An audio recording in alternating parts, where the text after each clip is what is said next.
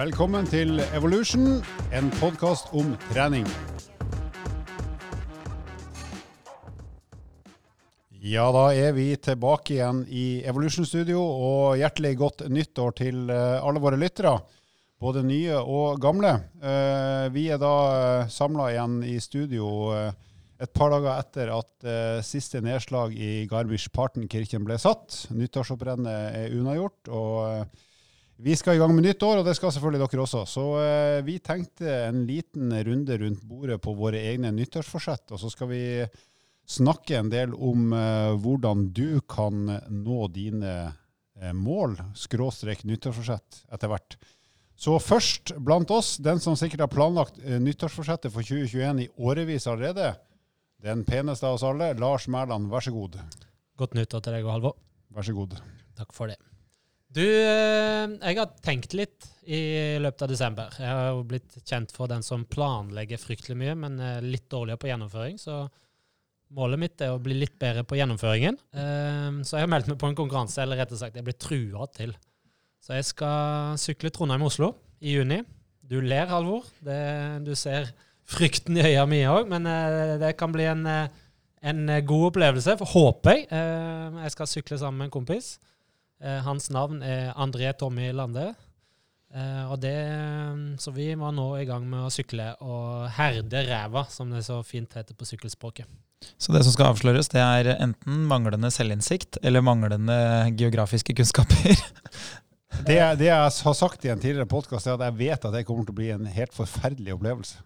I mange, mange timer. Og Derfor skal jeg eh, motbevise dette her, at dette skal bli en fantastisk opplevelse. Du har sagt du skal møte oss på Lillehammer. Hvis det er solskinn og fint vær, skal jeg møte dere på Lillehammer. Ja, så Da blir du med de siste Så da skal jeg fryde meg med hatet deres de siste 20 mila. Det gledes. Ja? Nei, det, det, er det første målet. Og så har jeg et mål om å um, løpe et langløp. Og det har jeg og vår gamle pastor eh, Henning Holm, Frode òg. Eh, mellomnavnet hans. Eh, skal løpe et langløp i løpet av 2021 hvis det blir lov, rett og slett. Det vil si da et type ultramaraton. Vi skulle i år, 2020, eller i fjor, 2020, løpe et løp opp på stranda. Noe som heter Fjordtrail Race, og det er litt mer eh, for opplevelsens del òg. Men det er ja, først yte, så nyte. Stranda der de lages skinke og pizza? Yes, type. Ja, det er jo Grandiosa, det. Ja, det, det er jo bare én pizza. Det. Norges beste strand. Ja. Du vet det at uh, italienerne har jo kopiert stranda i forhold til det med å lage pizza. Det var jo der det skjedde først. Det Pizza ble først laga på stranda.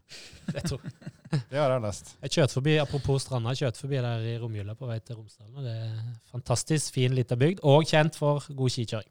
Lukter det pizza der? Lukter det godt? Det lukter spekeskinke. All right. Andreas Skjetne.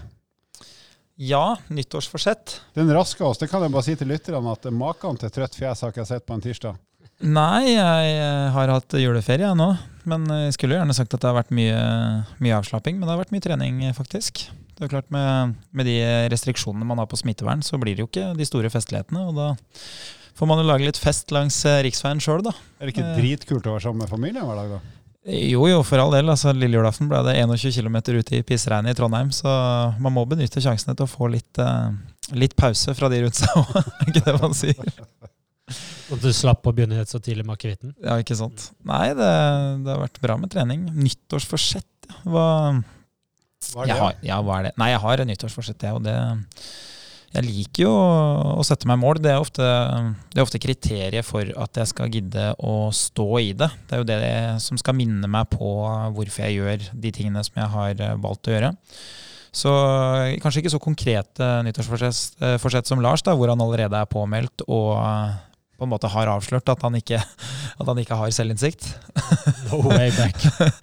Nei, jeg har et uh, mål om å i hvert fall få ned noen tider på, uh, på noen distanser uh, løpsmessig. Fordi nå har det jo vært såpass lite snø den, den, høsten her, og tidlig i vinter så langt, da, at det er fremdeles mulig å løpe ute. Og det gjør jo at man er plutselig i veldig god løpsform ganske seint. Så hvis man da har litt uh, tur, så blir det ganske kort uh, vinter. Når du sier mann, sikter du da til deg eller meg? Uh, Mann er i god løpsform. Mann, 40, mann 48? Nei, mann 47? 48. Mann 48, det er deg. Eh, nei da, så med kort, eh, kort vinter så er det mulig å løpe mye, og da er det jo mye lettere å være i form på våren. Så jeg har en plan om å karre meg under 35 på 10 km. Det er heftig. Ja, det, Hva er rekorden din nå, da? Det er 35,56. Oh, ja. Så det, det høres jo for de fleste ut til å være veldig nærme. Problemet er bare at det er, det er jæskla harde sekunder å ta, de seks sekundene per kilometer. Da må du fra, fra 16 til 17 km i timen. Uh, og så er det sånn at uh, det man kaller for tidsaksen, da, altså hvor mye fortere må du løpe for å få hvert sekund, det blir bare brattere og brattere. Så det er sånn at uh, du er nødt til å løpe fortere og fortere for å hente hvert eneste sekund. Det er ikke like mye mellom eh, 7 og 8 km i timen som det er mellom eh, 17 og 18. Og det, det gjør det ganske, ganske tøft for, eh, for kroppen. Er det pga. luftmotstand? Ja, det, Den har jo ikke noe med det å gjøre, da. Men, Et lytterspørsmål. men luftmotstand, eh, en, en artig ting der, er at luftmotstand øker fire ganger av hastigheten. Så hvis du går én kilometer opp, så øker luftmotstanden med fire ganger. Derfor så er det jo en kjempefordel å ligge bak andre på sykkel, f.eks. Eller i, i bilrace, da, sånn type Formel 1. Der er det jo en eh, Altså, det, det vil ikke være mulig å ligge foran hele tida uten at de bak eh, lett kan eh, komme til å kjøre forbi deg. da. Hvis jeg var deg da, så hadde jeg bare løpt den testen på mølla. Jeg skulle til å si det. Ja, og det er jo da hemmeligheten at uh, konkurransetider de kan ikke settes på mølla. For der er du uh, veldig mye bedre enn det du er når du løper uh, vanlig, da. Så et av de kriteriene som må til, er at jeg må løpe ute. Og på de hastighetene her så er jeg nok helt avhengig av å løpe med noen andre. Jeg melder Fordi- meg, jeg, altså. Ja, ikke sant? Du må, da må du, holde, du må gjerne ligge foran meg da, hvis jeg skal få den effekten. Jeg kan sykle foran deg. Det går an. Så Ingebrigtsen eh, holder på med. Så Ja. det kan være sykkeltrening for meg. da. El- Elsykkel til Trondheim. Kanskje jeg skal få fatter'n til å peise. Knut eh, kan peise, vet du. Ja, ja, i hvert fall nedover. Han har jo eh, segmentet fortsatt oppå Oppe på eh, Ikke skal telle seg Romsåsted, men eh, Haugenstue. Jeg har aldri sett noen jeg, som har så jevne sykkeltider hjemme fra jobb, men det kan jo ha noe med den elmotoren å gjøre. Han er Han, han legger seg i hockey når det er motvind, så det blir akkurat like fort som sist. ja, ikke sant. Ja, men det, det, ja skal, hva skal jeg gjøre? Jo, jeg skal eh, jeg har faktisk ha meg to styrkemessige mål. Tro det eller ei.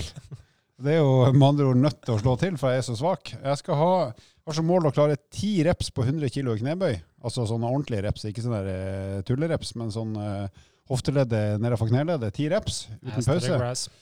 Og jeg testa, jeg testa i går, jeg klarte 65 kilo. Eh, ti reps. Så jeg har en vei å gå, men det tror jeg skal gå an. Eh, jeg må sikkert legge på meg 30-40 kilo, men det er det verdt. Og så skal jeg klare en, ett løft på 150 kilo markløft. Har jeg som mål. Jeg klarte 140 nå rett før jul. Jeg var ikke i nærheten av å klare 142,5, så det må jobbes litt. Vi må eh, få til en litt større rass, så kanskje det kommer på plass i løpet av 2021. Spennende. spennende. Det er kjempespennende. For et liv vi har, gutta. Hvis det er noen andre der ute lyttere som har noen nyttårsforsett, send det inn eh, via bloggen vår, eh, Evolution, eller på Instagram. Så skal jeg, jeg skal også ta den der eh, Team Ragde-testen, den som Aukland-gutta holder på med, som er 5 km løp på 10% stigning.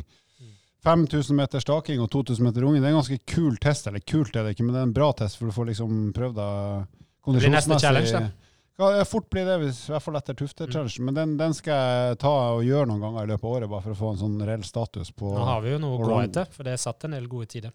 Ja, Et av de nyttårsforsettene jeg har som ikke liksom er sånn prestasjonsmål, da, det er jo at jeg skal prøve å, eh, å holde meg unna de dårlige forslagene som kommer rundt det bordet her. Vi får se. Så kanskje jeg kan uh, vie litt mer tid til fornuftige målsetninger, og ikke måtte slite meg ut på mølla der i fem timer. Det blir nok underarmskøl på deg, Skjetne, i løpet av året. Det er nok det vi ender opp med.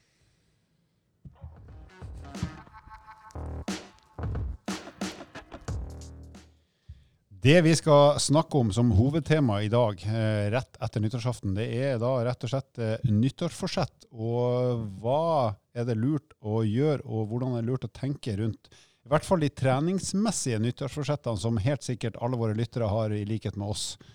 Eh, Så vi har noen punkter vi tenkte vi skulle snakke litt rundt. Og eh, for å starte liksom eh, rett på her, så er kanskje et av de smarteste tingene å gjøre med en gang hvis man har et forsett eller et mål, det er rett og slett å definere helt tydelig hva er det jeg ønsker å oppnå. Hva er målet mitt på kort sikt og på lang sikt. Hva tenker dere rundt eh, det, gutta? Det med et tydelig mål. Jeg kan jo begynne litt. Eh, og med min bakgrunn så er jo dette det er helt normalt å ikke minst sette seg et spesifikt mål.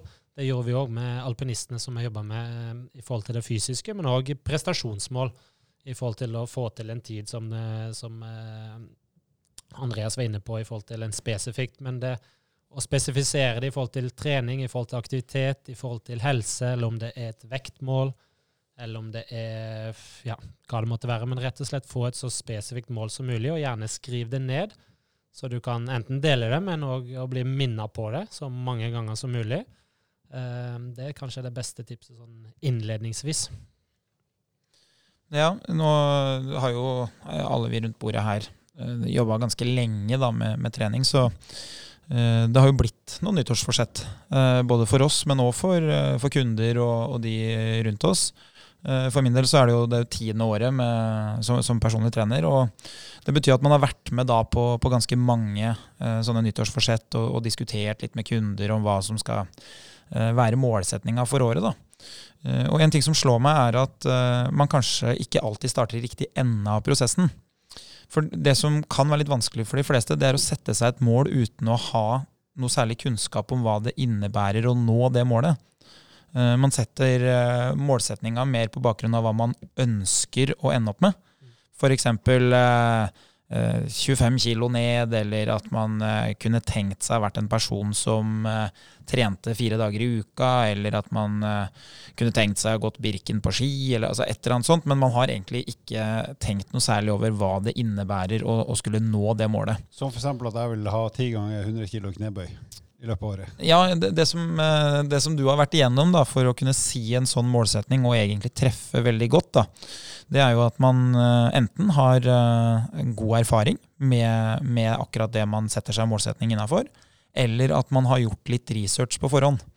En av de tingene som, som, jeg liker å gjøre, da, hvis det er snakk om et vektmål f.eks., det er at uh, før vi bestemmer oss for hvor mange kilo man skal ned, eller hvilken vekt man skal ned til, så må man gjøre et sånt grovt overslag over hva som forventes for å nå det. Så hvis man sier da at ok, mitt mål for 2020 det er å gå ned f.eks. fem kilo. Ok, fem kilo, det, eh, det er jo altså 2021, da, gjerne. Det er jo dumt å ha 2020-mål. Det, det, er litt seint nå. Men hvis man sier fem kilo i, um, i, i 2021, da, så vet vi at det er litt over 50 uh, uker. Og da vet vi at ok, det bør være mulig. Det er 100 gram. Du skal være ganske defensiv hvis du tenker at det blir vanskelig. Ikke sant? Med mindre du uh, veier fire kilo. Ja, så 100 gram, det, det bør være innafor å få til per uke. Men så er det jo sikkert sånn at uh, basert på det du vet i dag, og tilstanden din i dag, så tenker man ja, men fem kilo, det utgjør jo ingenting jeg får jo ikke den, ikke den gode følelsen, og jeg er jo ikke der jeg ønsker å være hvis jeg går ned fem kilo. Det jeg egentlig kunne tenkt meg å gått ned, det er 25 kilo. Det er mye lettere å si eh, 25 enn å gjøre 25. Og det er klart at eh, da blir det jo sånn at du, eh, du havner i en situasjon hvor hvor du kanskje sier det du følelsesmessig tenker at er fornuftig, men du har ikke gjort noe overslag over hva som forventes av deg. Og det er klart Hvis du skal gå ned da 25 eh, kilo, da plutselig eh, snakker vi at du skal gå ned en halv kilo i uka. Og det innebærer ikke bare at uh, du skal spise mindre mat, være mer fysisk aktiv, men det innebærer at du kommer til å havne opp i situasjoner hvor du må si nei. Hvor det er helt fornuftig, og hvor alt Eh, rundt deg forventer at du skal si ja. F.eks. så kommer det skoleavslutninger, det kommer kanskje noen bursdager, det kommer en del helger hvor du skal si nei, og hvor du egentlig ganske ofte sier ja. Skal du, Hvor mange skoleavslutninger har du i år? Nei, eh, forhåpentligvis. Skal gå ut av niende klasse? skal gå ut av niende for, for tiende gang.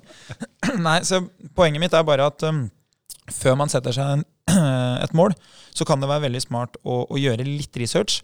Og da er man jo inne på det du sa, Alvor. Når du sier du skal få til 150 kg, men du har allerede fått til 140 og har prøvd 142,5 så Du vet hva det innebærer å gå de ekstra 10 kiloene, og vet at det kan hende at det tar så mye som et år.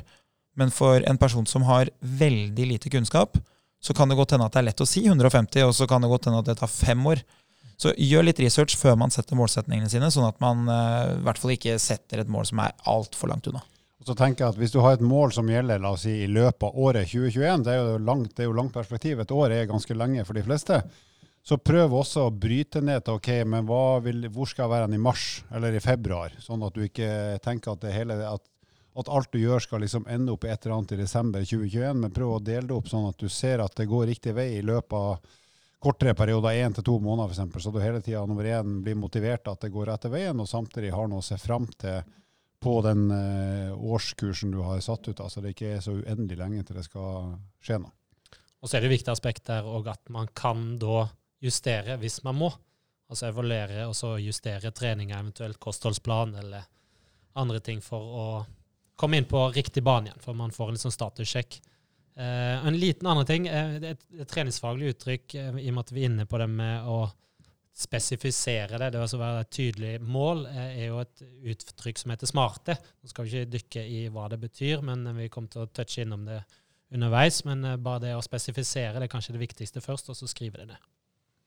Ja, og det, det er jo en, en metode for å, for å, treffe godt på, på målsettinga. Og det man vet, da, og det er litt sånn kjekt for de som kanskje tenker at de skal sette seg et mål, eller kanskje de har satt seg et mål, det er jo at med økende erfaring så blir man bedre til å sette mål. Det er jo derfor man kan si det sånn at Halvor er nok bedre egnet til å sette et mål for en helt utrent person mm. enn den utrente personen er å sette for seg selv. Fordi man har erfaringa og man vet hva som forventes. Så det tipset som dere kommer med her, det er kanskje det beste tipset, og det, det bruker i hvert fall jeg veldig ofte for mine kunder. Det er at man har en del delmål. Og et sånt praktisk eksempel på hvordan et delmål fungerer veldig bra, det er jo hvis man sier at øh, hovedmålsettinga mi uh, det er vektreduksjon. Det er veldig lett å bruke det. De fleste kjenner seg igjen. De forstår at det er en, en reell uh, problemstilling og et ønske. Så hvis du sier at uh, hovedmålsettinga mi er f.eks. 10 kg ned, da, så kan man ha delmål om at i 2021 så skal jeg trene i snitt to ganger per uke. Jeg skal trene 100 treningsøkter i løpet av 2021. Fordelen er at selv om jeg går ut av året og veier det samme, om jeg veier én kilo mer, så har jeg gjort noe med mitt liv som er veldig mye bedre enn det jeg gjorde før. Og den effekten jeg får av å være fysisk aktiv, det er jo en gevinst jeg får lov å ta med meg helt uavhengig av om jeg har gått ned de kiloene eller ikke. Så det er fint mulig å bruke en del sånne delmål som kan gjøre eh, hverdagen din og helsa di veldig gode ting uten at du egentlig trenger å nå det selve hovedmålet. Så hvis du er litt smart på de delmålene, og f.eks. da sier at det skal være å være mer fysisk aktiv, kanskje det skal være å gå fra å kunne løpe sammenhengende i 3 minutter til 30 minutter, som betyr at du kan ha en veldig lav grad av progresjon. Du trenger ikke å være veldig mye bedre fra gang til gang, men du må bli litt bedre. Hvis du i tillegg sier at eh, ok, hver eneste helg så skal jeg prøve å gå på tur, eh, i tillegg til de to treningsøktene jeg skal ha, så hvis du får til alle de små delmålene, som egentlig kanskje hver for seg ikke betyr så mye, så vil du se at eh, delmålene ofte er det som, som på en måte skaper muligheten til å nå hovedmålet. Og Jeg var jo gjennom eh, en kunde her som eh, har hatt et mål om å gå ned i vekt i 2020, som da gikk ned ganske mange kilo. Og et av delmålene der var jo at vi skulle klare å løpe fortere på halvmaraton enn det vi har gjort før. Og da ser man jo veldig ofte at delmålene, når, de begynner, altså når du begynner å oppsummere ok, jeg har nådd seks delmål, sju delmål, åtte delmål, så når man veldig ofte hovedmålet. For det er veldig sjelden at man klarer å nå noen av de, men man er helt off på de andre. Ja, I hvert fall så lenge de har sammenheng med hverandre, og det skal de ha. Et delmål skal jo helst lede mot uh, hovedmålet. Men du var litt inne på det i stad, uh, Andreas, og for så vidt du òg, Lars. Det her med, nå har vi snakka om mål og tydelige mål. Uh, men også det her med realismen i de målene man har satt seg. Eh, hva kan vi si om det i forhold til eh, Skal målene være, eller ønskene fortsette? Skal være sånn at det her, det her går bankers, det her går kjempegreit uansett? Eller skal det være sånn helt utopi at det her er nesten ikke mulig, selv om jeg lever et i gåseøyne perfekt liv i tolv måneder? Hvordan kan man tenke rundt det her med realisme i forhold til oppnåelig, ikke oppnåelig? Hvor, hvor, hvor vanskelig skal det være å nå målet? Det kan jo være litt vanskelig å sette seg mål, men man, eh, sånn teoretisk sett da, så sier man at eh, hvis det er 50% sannsynlighet for at du når målet, så er det egentlig et, eh, et godt satt mål. da. Og Det betyr jo at det skal være sånn at når du når målet, så er det innsatsen du har lagt ned og, og arbeid over tid som, som skaper resultatet.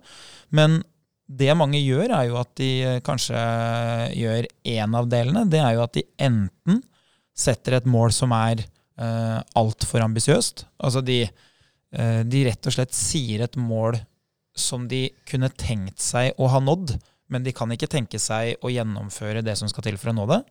Eller det, er gøy, det er gøy å leke med tanken helt til du må begynne å gjøre noe med det. Ikke sant. Og så har du det helt motsatte, som er å si et mål som er såpass enkelt at du er 100% sikker på at du skal nå det, fordi at du ikke vil bli skuffa om du ikke når det. Og begge deler fører jo ikke til noen grad av endring. Altså Hvis du gir opp målsetninga di allerede før du har starta, så, så vil det jo ikke, det vil ikke skape noen endring, det vil ikke skape noe resultat. Mm. Og hvis du setter målsetninga di så lavt at du når den allerede idet du starter, så vil det heller ikke skape den mestringsfølelsen og den kunnskapsendringa som gjør at du på sikt kan skape enda bedre ting. da. Så jeg er veldig fan av at man, eh, at man kanskje underbyr målene litt i starten for å få den gode følelsen av å nå målsetningene sine. Men sørg i hvert fall for at målsetningene ikke er noe som når seg selv. Mm.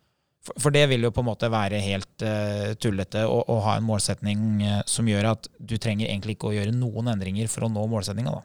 Med mindre man er så fornøyd med livet sitt at uh, man bare tenker at det skal være akkurat like bra som i fjor. Hilsen Halvor. Ja, det er klart Hvis du er, hvis du er toppidrettsutøver og legger opp, så vil jo kanskje målsetninga om å bare være like god som i fjor være, være realistisk. Men for de aller fleste så ønsker man jo en eller annen positiv endring. Jeg tenker, jeg kan bruke mitt eksempel, da. altså det med Trondheim-Oslo. Det er jo et, eh, det er et veldig hårete mål, eh, selv om det er også et Eller kall det ambisiøst, men det er oppnåelig.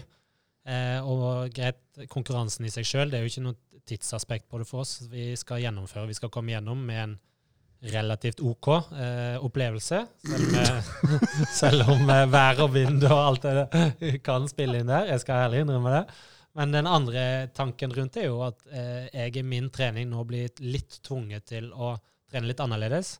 Eh, litt variasjon i hverdagen. Ikke minst det å sykle litt mer, så jeg får spart beina litt mer. Eh, Målet mitt òg er jo å løpe en del. Så da må jeg bli tvunget til å sitte litt på sykkelen og gjøre litt andre typer bevegelser, som igjen forhåpentligvis får en positiv effekt i forhold til f.eks. løpinga. Selv om mine mål på løping er jo ikke i nærheten av det Andreas har satt, men eh, det får vi se. Det er pga. luftmotstand. Det er helt riktig. Jeg pleier, altså, man har jo pleid å si at en sykkelkropp skal være som en pil. Den skal være skarp foran der armen er, og så skal det være stor, eh, et stort lårparti som skal gjøre jobben. Så ser du på Halvor. Og så ser du på hodet, hodet mitt og tenker ja, det stemmer. Eh. Halvor er jo en veldig tynn pil, det er nesten som en nål. Eh, Men det funker veldig bra sånn i, i luftmotstand. Men, Synhold, for han er jo litt men deg og eh, Tommy, da, det er jo dere det er jo som kanonkuler. Så det er jo, det er, se for deg to mikrobølgeovner på en racersykkel. Det er jo det det er snakk om. Ja, og dere tåler jo mye trening, da, så det er jo Vent og se, vent og se. Ligge, det Planen min er å ligge bak ryggen til Tommy. Han har jo som sagt litt sånn T-rex-armer, for de som kjenner han. Og så har han en ryggtavle som, eh, som er trygg og god å gjemme seg bak. tar mye vind. tar mye vind. Men po poenget var at det, det å sette et ambisiøst mål, men som er oppnåelig, er kanskje det viktigste å ta med seg i forhold til at det er så realistisk, da. Ja, så du, skal, må, du må kjempe for det. Du er nødt til å gjøre en jobb. Ellers er det ikke noe kult å nå mål heller. For da, da er det ikke noe mål. Det er bare et eller annet du krysser for at uh, du fant at du skulle si et eller annet som ikke egentlig betyr så mye heller. Mm.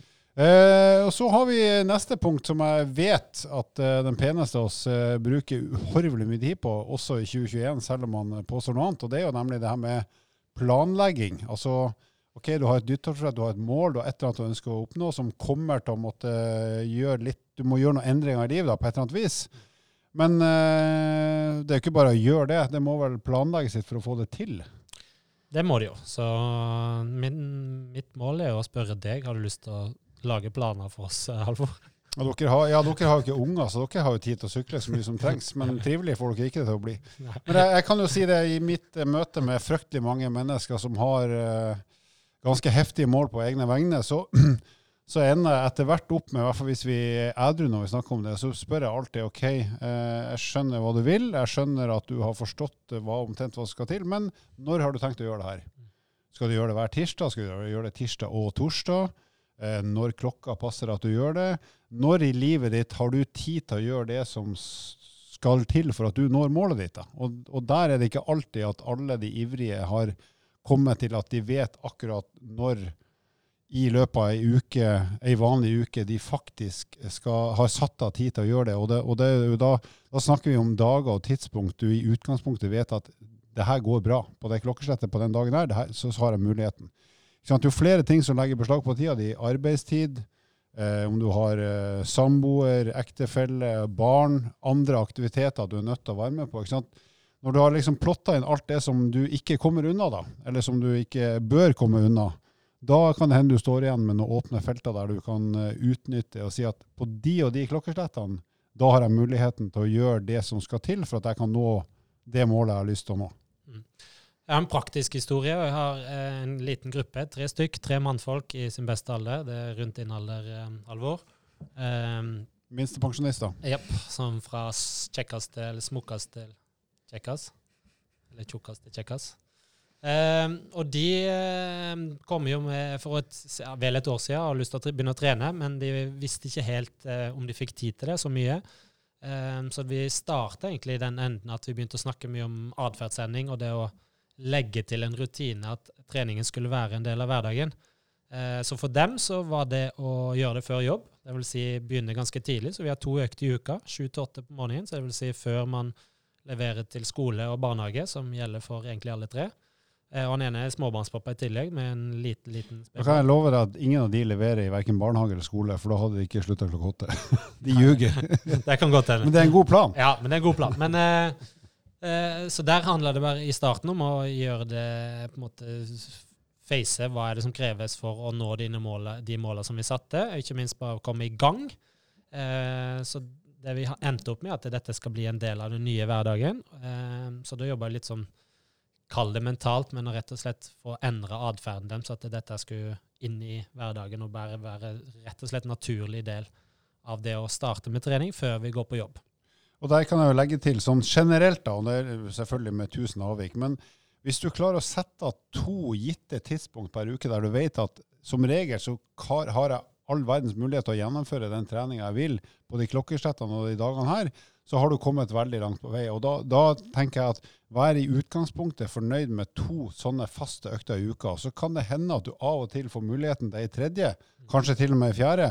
Men det er litt sånn tilfeldig, for at plutselig fikk du sjansen. Så ikke, ikke legg lista høyere og høyere for at du tilfeldigvis klarte å finne ei åpning en ekstra gang en eller annen uke. men Ta, ta, utgangspunkt i det du har kontroll på at du har muligheten til å få gjennomført, og så kan det andre eventuelt bli en bonus. Men ikke dra deg sjøl opp til å tenke at Nei, Sist uke så klarte jeg fire økter. Det, det er nå, nå, er det nye minstemålet mitt. For da er det så lett at det ikke går. For det er så mye skal klaffe for å få det til. Og hvis du da ikke får til de fire som du plutselig mener at det er minimum, så kan det hende du blir så skuffa at du tenker nei, drit, nå, nå gikk det i dass. Nå gjør jeg ingenting.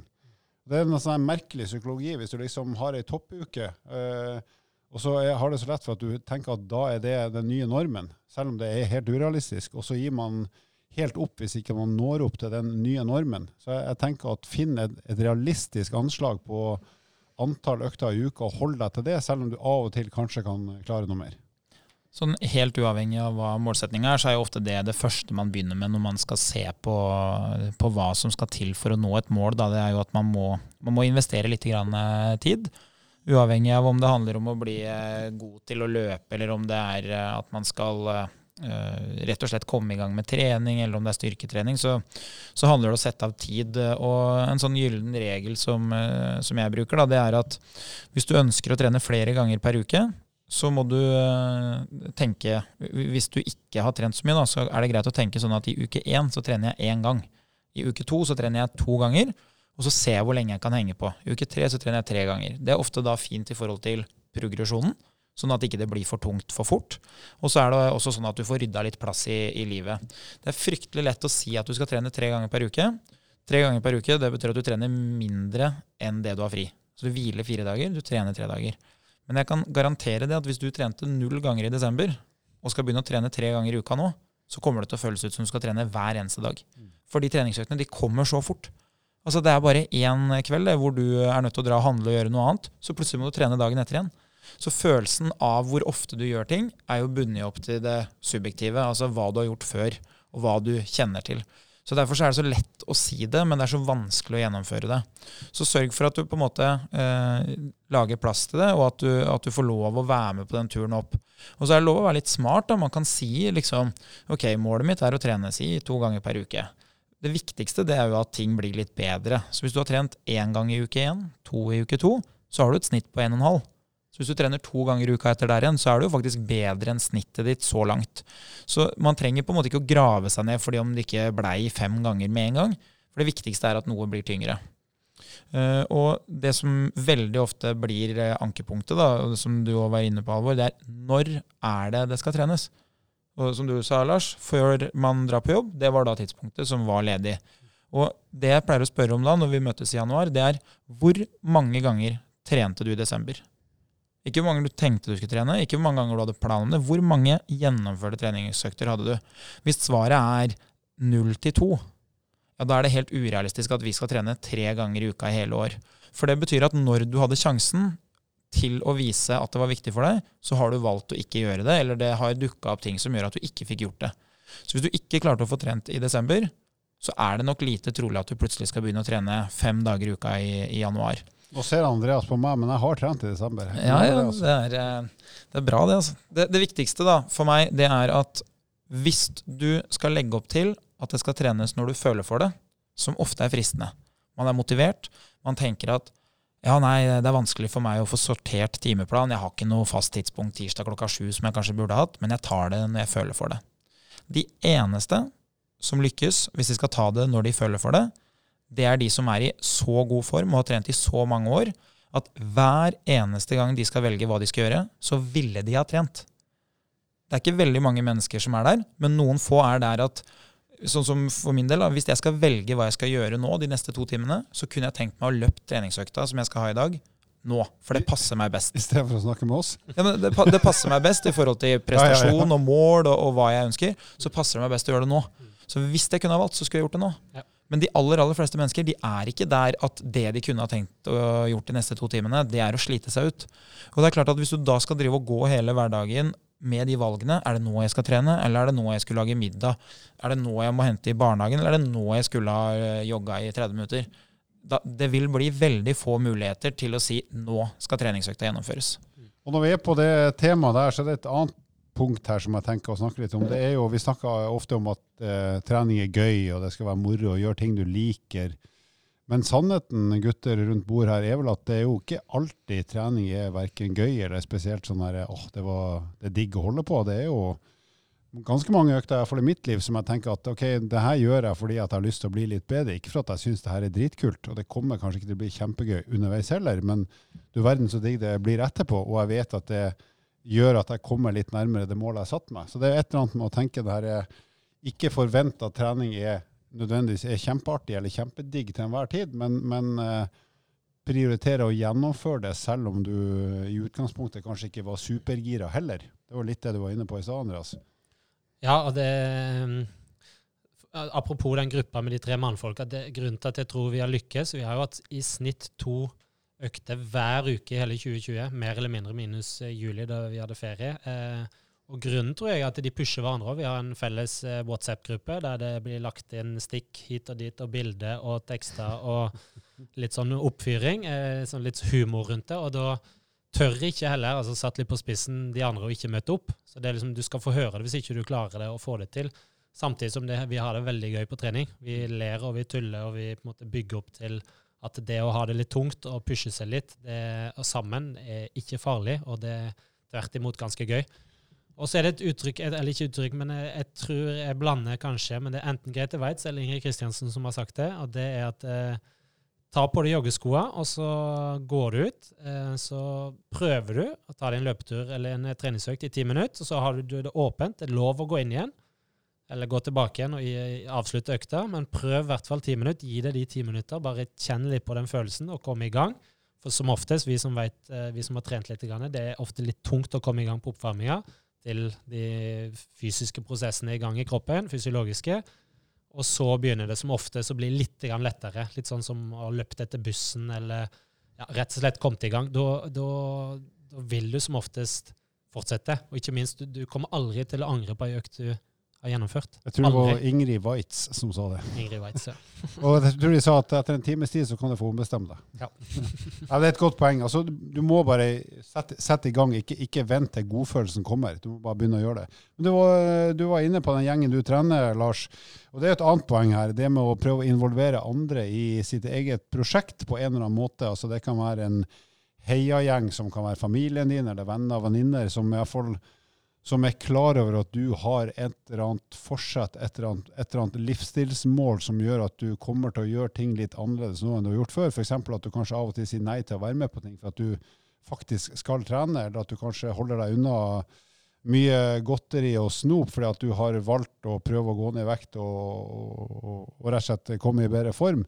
Så det å involvere andre på et eller annet vis, enten for å få en sånn støtte, eller hvert fall få en aksept for at nå gjør ting litt annerledes enn før, sånn at du ikke blir motarbeida av de du kanskje omgås mest med, men heller får en forståelse hos andre, at det kan være et poeng å tenke på det òg. Ja.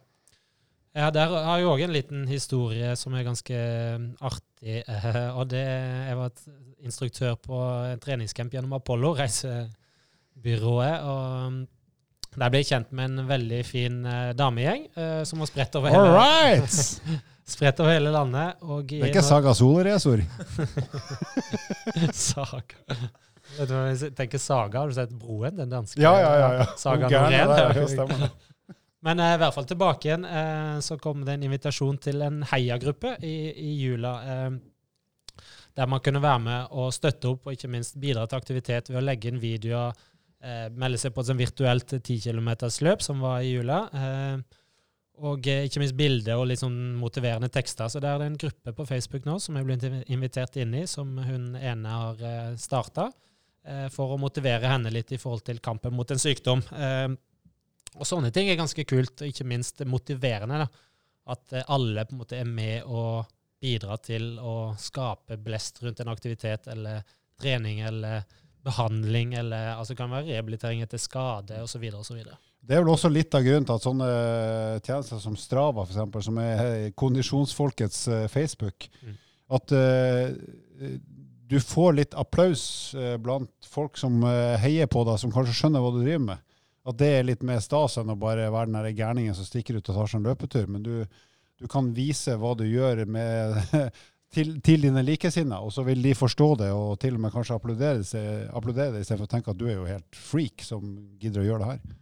Det er to ting man ofte ser at uh, fungerer veldig bra, da, hvis det grunnleggende er på plass, og at du har satt av tid, og at du har fornuftige forventninger til hva du skal få til, og, og at, du er, at, du er, motivert. Da. Uh, det er jo at man da, en, som du sa i stad, at man finner seg noen uh, å, å, gjennomføre det sammen med. og der har jo du vært veldig tydelig på at det er ikke sikkert at det er fordi at det blir så veldig morsomt.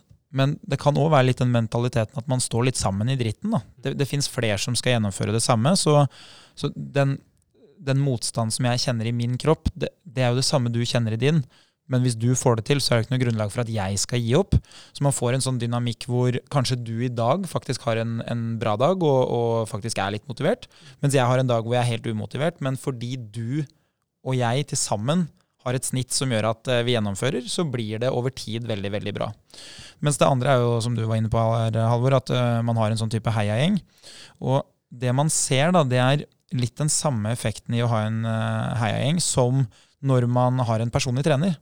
At da finnes det plutselig noen som, som faktisk ser deg over skuldra, og som kontrollerer det du skal gjøre. Sånn at du er nødt til å levere litt sånn de dagene hvor du ikke har veldig lyst, og, og hvor du tenker at nei, men i, i, dag det, uh, i, dag er det, ingen som bryr seg. Uh, at jeg dropper det i dag, det, det, gjør jo ingenting. Men så blir det plutselig sånn at ok, jeg veit jo at det sitter en eh, sju-åtte uh, stykker som faktisk jeg har fortalt om at jeg skal få det til, som faktisk kommer til å spørre meg Oi, når jeg møter de til søndagsmiddagen, så kommer de til å spørre hvordan jogginga mi gikk på torsdag kveld. For de veit jo at jeg skal gjøre det. De kommer til å på en måte se på det. Og det er jo ikke den beste mentale dynamikken at du må drive og gjennomføre ting fordi at folk ser deg over skuldra og veit hva du driver på med. Men for å nå en målsetning som kanskje helsemessig er veldig bra for deg, så har det veldig god effekt. Og det er jo det man ofte hører at, uh, at PT-kunden nå kjenner på. At uh, ja, men det er jo mye lettere for meg å gjennomføre når jeg veit at det er noen andre som bryr seg. Det, det at jeg faktisk dro på trening på tirsdag, det er det noen som anerkjenner på torsdag når jeg møter opp på en treningsøkt med min PT. Så, så, man skal ikke undervurdere det, altså.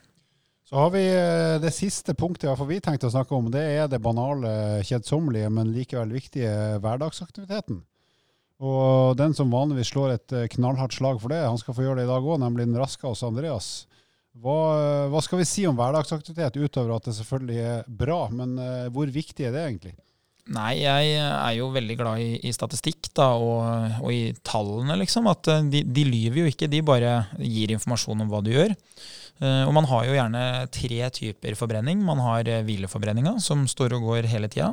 Som ikke er veldig lett å tukle med. Altså Man kan få litt høyere hvileforbrenning, men det krever ganske mye innsats. og så har du da trening. Og trening er veldig fint, men det har sin begrensning i hvor ofte og utgangspunkt og motivasjon. Og så har man det tredje, da, som er på en måte det du beveger deg, som ikke er trening, og som ikke er den forbrenninga du har når du sitter helt stille.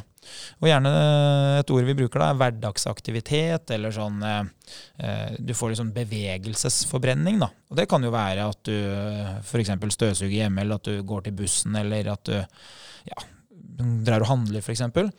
Og en veldig fin ting å bruke da, det er jo et eller annet måleparameter. Om det er en skritteller, eller om det er en pulsklokke eller en aktivitetsmåler. altså Det kan jo gjerne være mobilen din, f.eks. Den vil da ikke ljuge. Ja, det er ikke sikkert at den viser nøyaktig. Det kan hende den viser 6000 når 9000 er riktig. Men hvis den viser 7000 dagen etter, så har den på en måte vist at det du gjør i dag er bedre enn det du gjorde i går. Og det er jo det som er viktig. Så en ting jeg bruker ofte hos mine PT-kunder, det er å finne en eller annen metode for å måle aktivitet. Eh, for de som trener mye, så er det jo kanskje kilometer per uke. Det kan være antall minutter trent. Det kan være antall kalorier brukt i trening.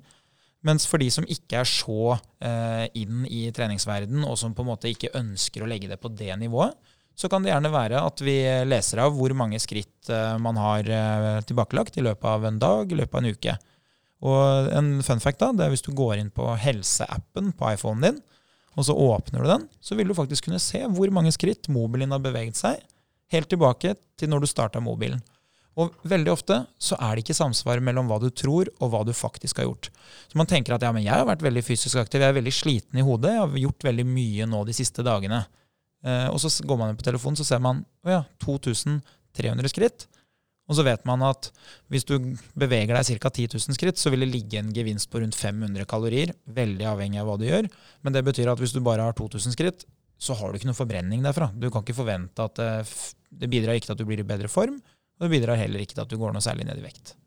Så uh, hverdagsaktiviteten den, den uh, bør være på et ganske ålreit nivå egentlig hver eneste dag, også på lørdag og søndag. Apropos skritt, så kan jeg opplyse om at jeg har bare ett skritt. Nå er vi snart ferdig nå.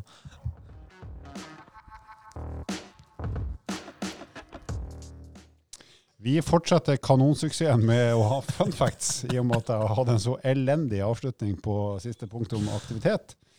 Eh, men jeg har funnet frem noe fun facts, og jeg starter året 2021 med noe som er relevant for mitt eget eh, mål for året, nemlig eh, løfting av vekter. Eh, så det jeg har tenkt å fortelle dere nå, det er verdensrekorden i løft med skjegg. Nå har ingen, ja, Lars har skjegg, men det er ikke langt nok til å løfte noe med, tror jeg. Men eh, den som har løfta ja. Jeg har et løfte om skjegg ja, i 2022. Skal du bli mulla? det er en eh, kar som heter Antanas eh, Kontrimas, som har løfta ikke mindre enn 63,80 kilo med sitt eget skjegg. Å, fy faen. Det er relativt Altså, det er ja, det, er det, like, det, er det jeg løfter i knebøy nå. Faen, Der han løfta med skjegget. Det må jo gjøre dritvondt. Det gjør sannsynligvis dritvondt. Må jo stå i fare for at hele haka drar seg. og så er det apropos skjegg, da. Det er en, en annen eh, digresjon. Men verdensrekorden i antall tannpirkere i ett skjegg, er noe som har idé om hva det kan være? Inni et skjegg? Altså en sånn altså, standard, altså du har stappa inn i skjegget. Ditt eget skjegg. da, Eller 500? Nei, vi skal ganske mye opp. Man vil jo gjerne si et par hundre, men jeg sier 1000, da. 3500 tannpirkere er stappa inn i skjegget til han som har verdensrekorden. Satt i én uke da og stappa. yes, og med disse tåpelige ord så uh, sier vi at vi snart er på januar, og så er det godt å komme i gang med 2021. Abonner på podkasten eh, vår, og send oss gjerne spørsmål via treningsbloggen Evolution eller på Instagram.